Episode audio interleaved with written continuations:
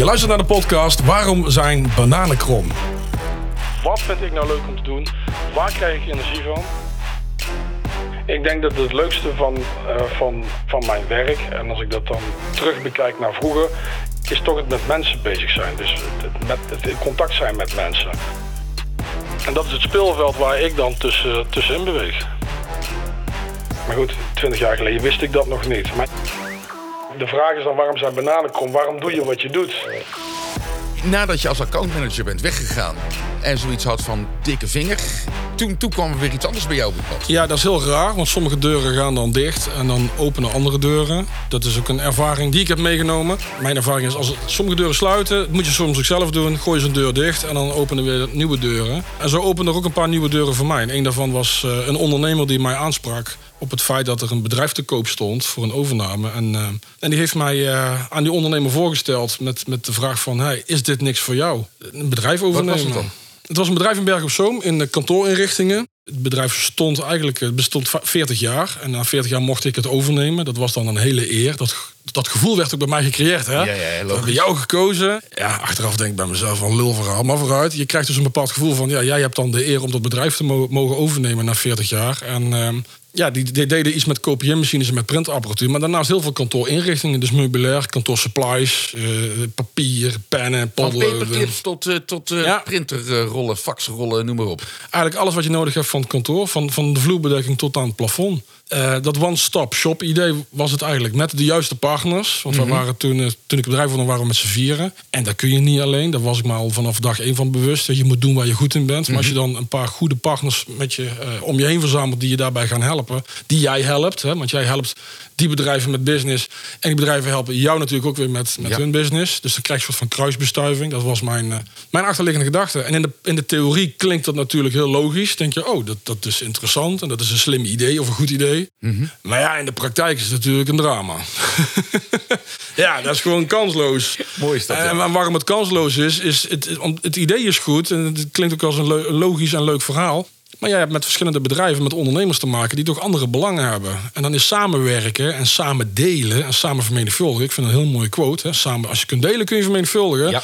Nou, die dikke vette middel, middelvinger kun je krijgen. Want niet iedereen kan samen delen en samen vermenigvuldigen. Het is mooi als het kan. Het is een mooi gedachtegoed. Absoluut. Maar, maar, deze mensen, had je die zelf uitgekozen om je heen? Of zat dit al een gedeelte in het bedrijf? Ook. Uh, ik heb, nou ja, het bedrijf wat ik toen overnam was met name gespecialiseerd in kantoorinrichtingen. En het telde wel geteld volgens mij een stuk of 10, 12 verschillende leveranciers. Dus je verspreidt uh, je business over verschillende leveranciers. Ik dacht, als we ons eigenlijk nou specialiseren op uh, bovenkant markt, hè, hoogsegment en middensegment, dan hebben we eigenlijk nog maar twee leveranciers over. Dan kunnen we daar onze omzet onder brengen, kunnen we ook de beste prijs bedingen en ook de beste voorwaarden.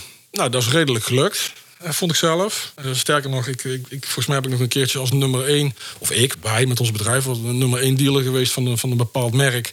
waar we op dat moment heel veel omzet deden. Maar ja, dat creëert ook een aantal valkuilen. En een daarvan was, ik, was ik, ik, nam een bedrijf over, maar ik heb wel een nieuwe BV gestart. Want ik wilde geen luiken uit de kast eh, trekken. Nee. Dus ik nam de handelsnaam over en ik richtte een, eh, een nieuwe BV op. Een, een, schone KVK noemen ze dat dan. En wat, uh, wat dingetjes overgenomen. En dan, dan, kom je op een gegeven moment in conflict met... Uh, uh, je, je, krijgt maar een, een, minimaal krediet. Ja, maar je gaat toch naar een bank toe op het moment dat jij toch een goed plan hebt.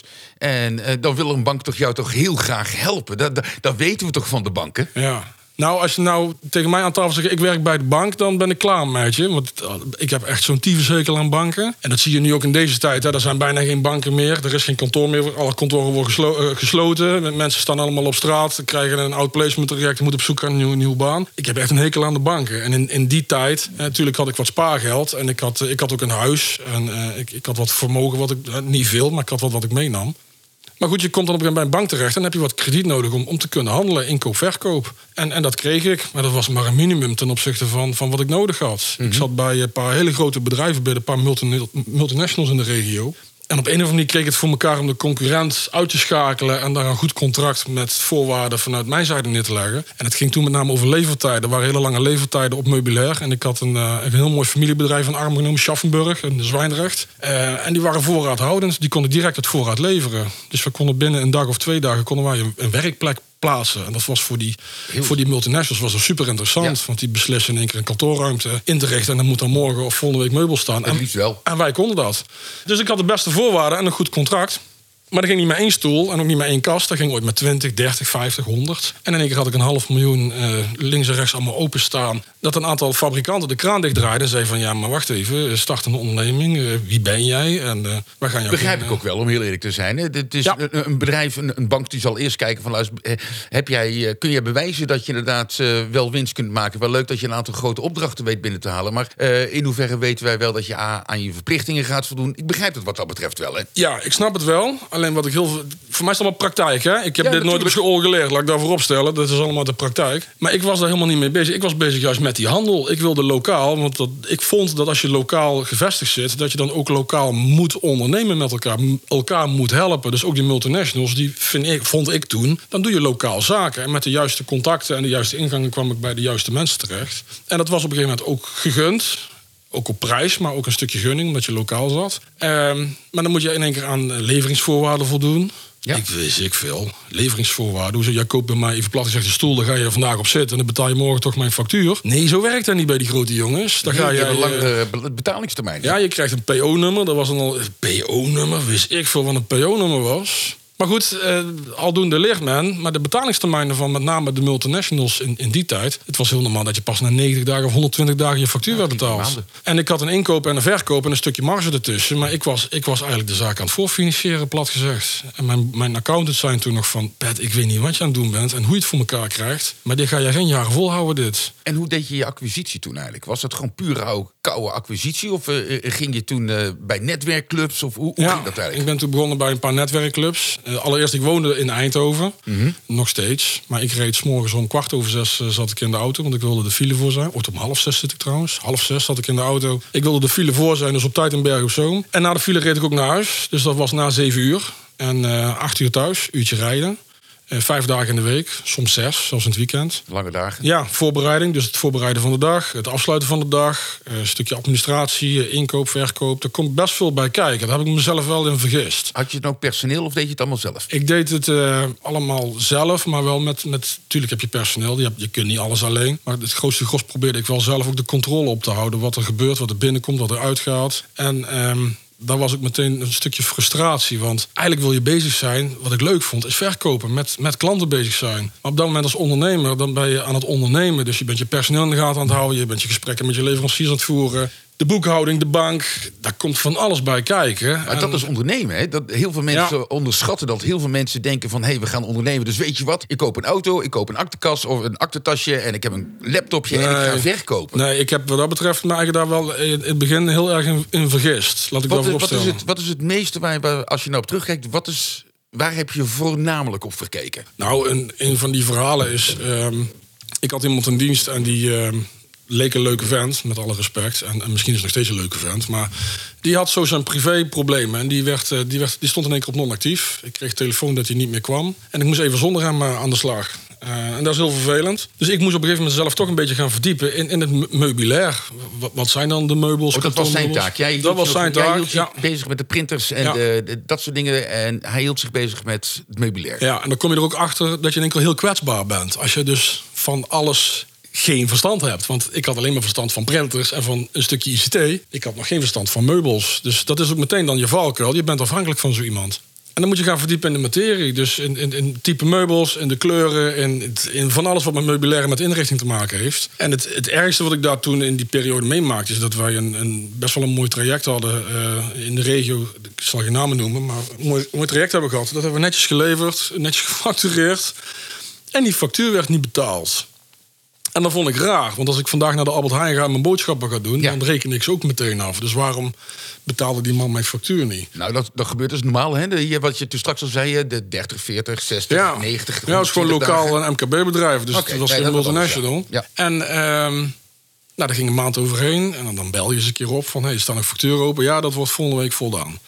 Eind van de week zit hij in de betaling. Eh, morgen... eh, iedere, keer, eh, iedere keer was er iets. En ik werd daar strontzenuwachtig van. Ja. En dan... eh, waren we twee maanden verder volgens mij. Twee, misschien bijna zelfs drie maanden. Ja, en ik had mijn zaken natuurlijk al moeten betalen, mijn inkopen. En ik zat op mijn centen te wachten. En ehm, toen heb ik iets gedaan. Ja, waar ik achteraf... Ik heb er geen spijt van, maar dat had ik zo niet moeten doen. Maar ja, ook dat was voor mij een leerproces. Nou maak je me wel heel erg nieuwsgierig. Wat heb je gedaan? Ja, ik ben in de auto gestapt met de factuur in mijn binnenzak. eh, naar de ondernemer gereden waar wij, eh, waar wij onze meubels hadden geleverd. En, en letterlijk de deur ingetrapt. Eh, hij had dan met een afspraak met iemand. Die heb ik de kantoor uitgejaagd, wegwezen hier. Maar toen kwam de boze Patrick en ik naar boven. En eh, die man die schrok. Ja, terecht, zou ik ook doen. Komt een grote vent binnen Ja, die deur ja. letterlijk intrapt. Deur dicht gedaan, factuur uit mijn zak gehaald, op zijn tafel neergelegd. Zei, Die ga jij nou betalen. En ik zag zijn autosleutels op, eh, op zijn bureau liggen. Hij reed toen in, in een Audi. Ik weet niet wat voor Audi, dit is een hele snelle volgens mij. Degene die nou hier voor de deur staat. Nee, nee. nee, niet de mijne. Ik heb geen Audi. Maar in ieder geval, ik pakte zijn autosleutels en die stopte ik in mijn zak. Ik zei, die wordt nou betaald, anders staat die auto vanavond nog in Polen. Het ging om een factuur van, ik dacht, die kleine 30, 40.000 euro. En hij zegt, eh, en dat vond ik nog typerend en daarom staat het me zo goed bij. Hij zegt, die auto is veel meer waard. En toen dacht ik, van, ben jij toch een ontiegelijke eikel? Want het gaat om die factuur die open staat. Maar jij maakt je dus zorgen om die auto die meer waard is. Nou ja, lang vooral kort heeft die factuur eh, keurig netjes voldaan. Ik keek over zijn schouder nog mee. En zijn saldo was, eh, was meer dan voldoende toereikend om die factuur te betalen. Maar waarom betaalde die dan niet? Ja, die vraag, daar zit ik dan nog. Ik zit er niet meer mee, maar die stelde ik mij. Waar, waarom? Waar, waarom doet iemand dat nou? Waarom? Heeft hij daarna nog ooit besteld bij jullie? Nee, want ik heb ook gezegd geen slecht woord over mij. En ik ook geen slecht woord over jou, want dat gebeurt in je netwerk. Hè. Ik zat dus net in Bergen op Zoom en de regio. En ja, wat je, je wilt geen slechte reclame krijgen. En ik wil ook geen slechte reclame van iemand anders maken. Want het is iets wat ik...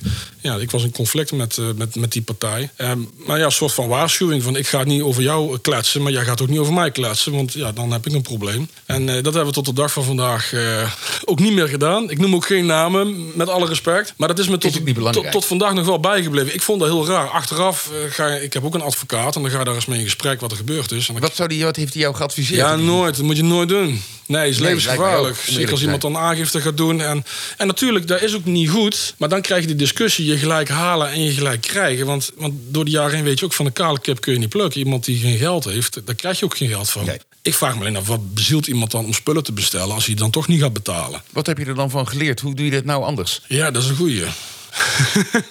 ja, nou laat ik vooropstellen dat ik... eh, ik had geen goed gevoel bij die man. Oké, Nee. ja. En, ik, eh, en, en nu in mijn ondernemen, in, in deze tijd... als ik bij iemand geen goed gevoel heb, dan verkoop ik hem ook niks. Nee, dat klinkt misschien heel arrogant. Eh, want je bent blij met handel. Ook ik ben blij met handel. Maar als ik geen goed gevoel bij iemand heb... of, of dat ik denk van, dat klopt hier iets niet... dan trek ik de stekker eruit. Dan gaan, wij, dan gaan wij geen zaken doen met elkaar. Nee. En dat, is mijn advies ook naar anderen. Als je geen goed gevoel hebt bij, bij een traject... ook al denk je van, het is de deal van mijn leven of whatever... het niet klopt, niet doen. Niet doen. Je had toen eh, eh, eh, wat, wat, wat personeel heb je, had je ook in de tijd dat je in Bergen op Zoom zat op een gegeven moment. Ja, Hoe is het nou om van uit iemand met een, zoals je zelf altijd zegt, een, een technische opleiding, waarvan werd gedacht, nou, die zal nog, als hij daar 20 is, moeite hebben met zijn eigen naam schrijven, bij wijze van spreken. Niet, niet oneerbiedig bedoeld, maar jij gaat vervolgens in één keer aan een, een, een, een groot bedrijf dat aan multinationals levert. Ga je ook nog eens een keertje leiding geven? ja, dat is heel raar. Want een, een baas, kijk, een baas zijn is anders dan dan leiding geven. Ja, maar En- een en- baas, weet je, een hond heeft een baas. Ja, ja, ik vind ja. dat personeel hebben geen baas. Een hond heeft een baas. En ik, ik vind dat je altijd praat vanuit collega's. Mijn vader heeft me vroeger ook geleerd... als je kop boven het maaiveld uitsteekt, hakken ze maar af. Dus blijf gewoon normaal, gewoon onder de mensen. Eh, doe niet allemaal uit de hoogte. En eh, ik voel me wel, voelde me wel altijd als gelijk. Ik vond iedereen belangrijk eh, aan boord. Maar ook met leveranciers. hè. Ook de vrachtwagenchauffeur die, die zijn spullen kwam brengen... die was net zoveel als, als mij. Wij waren niet meer of minder. Maar je hebt wel een bepaalde verantwoordelijkheid die je dan draagt. En eh, het leukste is als de neuzen de, allemaal dezelfde kant op staan. Dat is wel het prettigst. Dus als Maar dat iedereen... lijkt me heel erg moeilijk, want een werknemer zal jou toch altijd, ook al mag ik het woord van jou niet gebruiken, als baas zien, Ja. die maandelijks zijn eh, loon betaalt. Die ervoor zorgt dat hij zijn frietjes kan eten en, en zijn aardappels en zijn biefstukje kan kopen. Maar goed, staat er- hadden goed salaris. Ja. Ja, maar jij, maar jij staat er tegen. Ja, dat, dat ben ik, zo ken ik jou. Maar zo is het uiteindelijk niet. Jij kunt dat misschien wel willen. Maar uiteindelijk Nee. zal het personeel toch voor zichzelf kiezen. Laten we eerlijk wezen. Ja, en daarom past het ondernemen wel bij me. Maar het, eh, het leiding geven... En, en dat is een leerproces wat ik zelf ook heb moeten ondervinden. Ik, ik denk dat het leidinggeven dat mij... Natuurlijk, ik, ik kan wel leiding geven. Maar als je met... met, met, met en, en samenwerken, dat is ook totaal geen probleem. Ook het netwerken hè, en met elkaar werken. Maar wat ik al zeg, dat is het prettigst als de neuzen dezelfde kant op staan. En als je in een onderneming werkt of een onderneming hebt... waarbij eh, mensen niet allemaal de neus dezelfde kant op hebben staan... dan wordt dat best wel lastig. En hoe blijf je dan mensen motiveren? En hoe blijf je mensen dan eh, inspireren? En, en, en, en mensen moeten betrokken zijn bij je onderneming. Maar ja, dat klinkt heel arrogant. Maar het is mijn onderneming en niet van personeel. Dus ik bepaal toch de koers die ik graag wil varen en, en niet met personeel. En jij bent degene die de klap op moet vangen. Maar het gaat wel ten koste van. Hè? Als jij een andere koers vaart, vandaar ook dat ik mijn oude werkgever begrijp. Als je op een gegeven moment een andere koers gaat varen, nou, dan kan het wel eens zijn dat je personeel er niet blij mee is en, en misschien vertrekt. Wil je nou meer weten van dit onderwerp? Dan kun je me altijd bellen of benaderen via info.dkm Solutions of zoek me op LinkedIn Patrick Hendricks. Dankjewel voor het luisteren. Tot de volgende keer. Houdoe!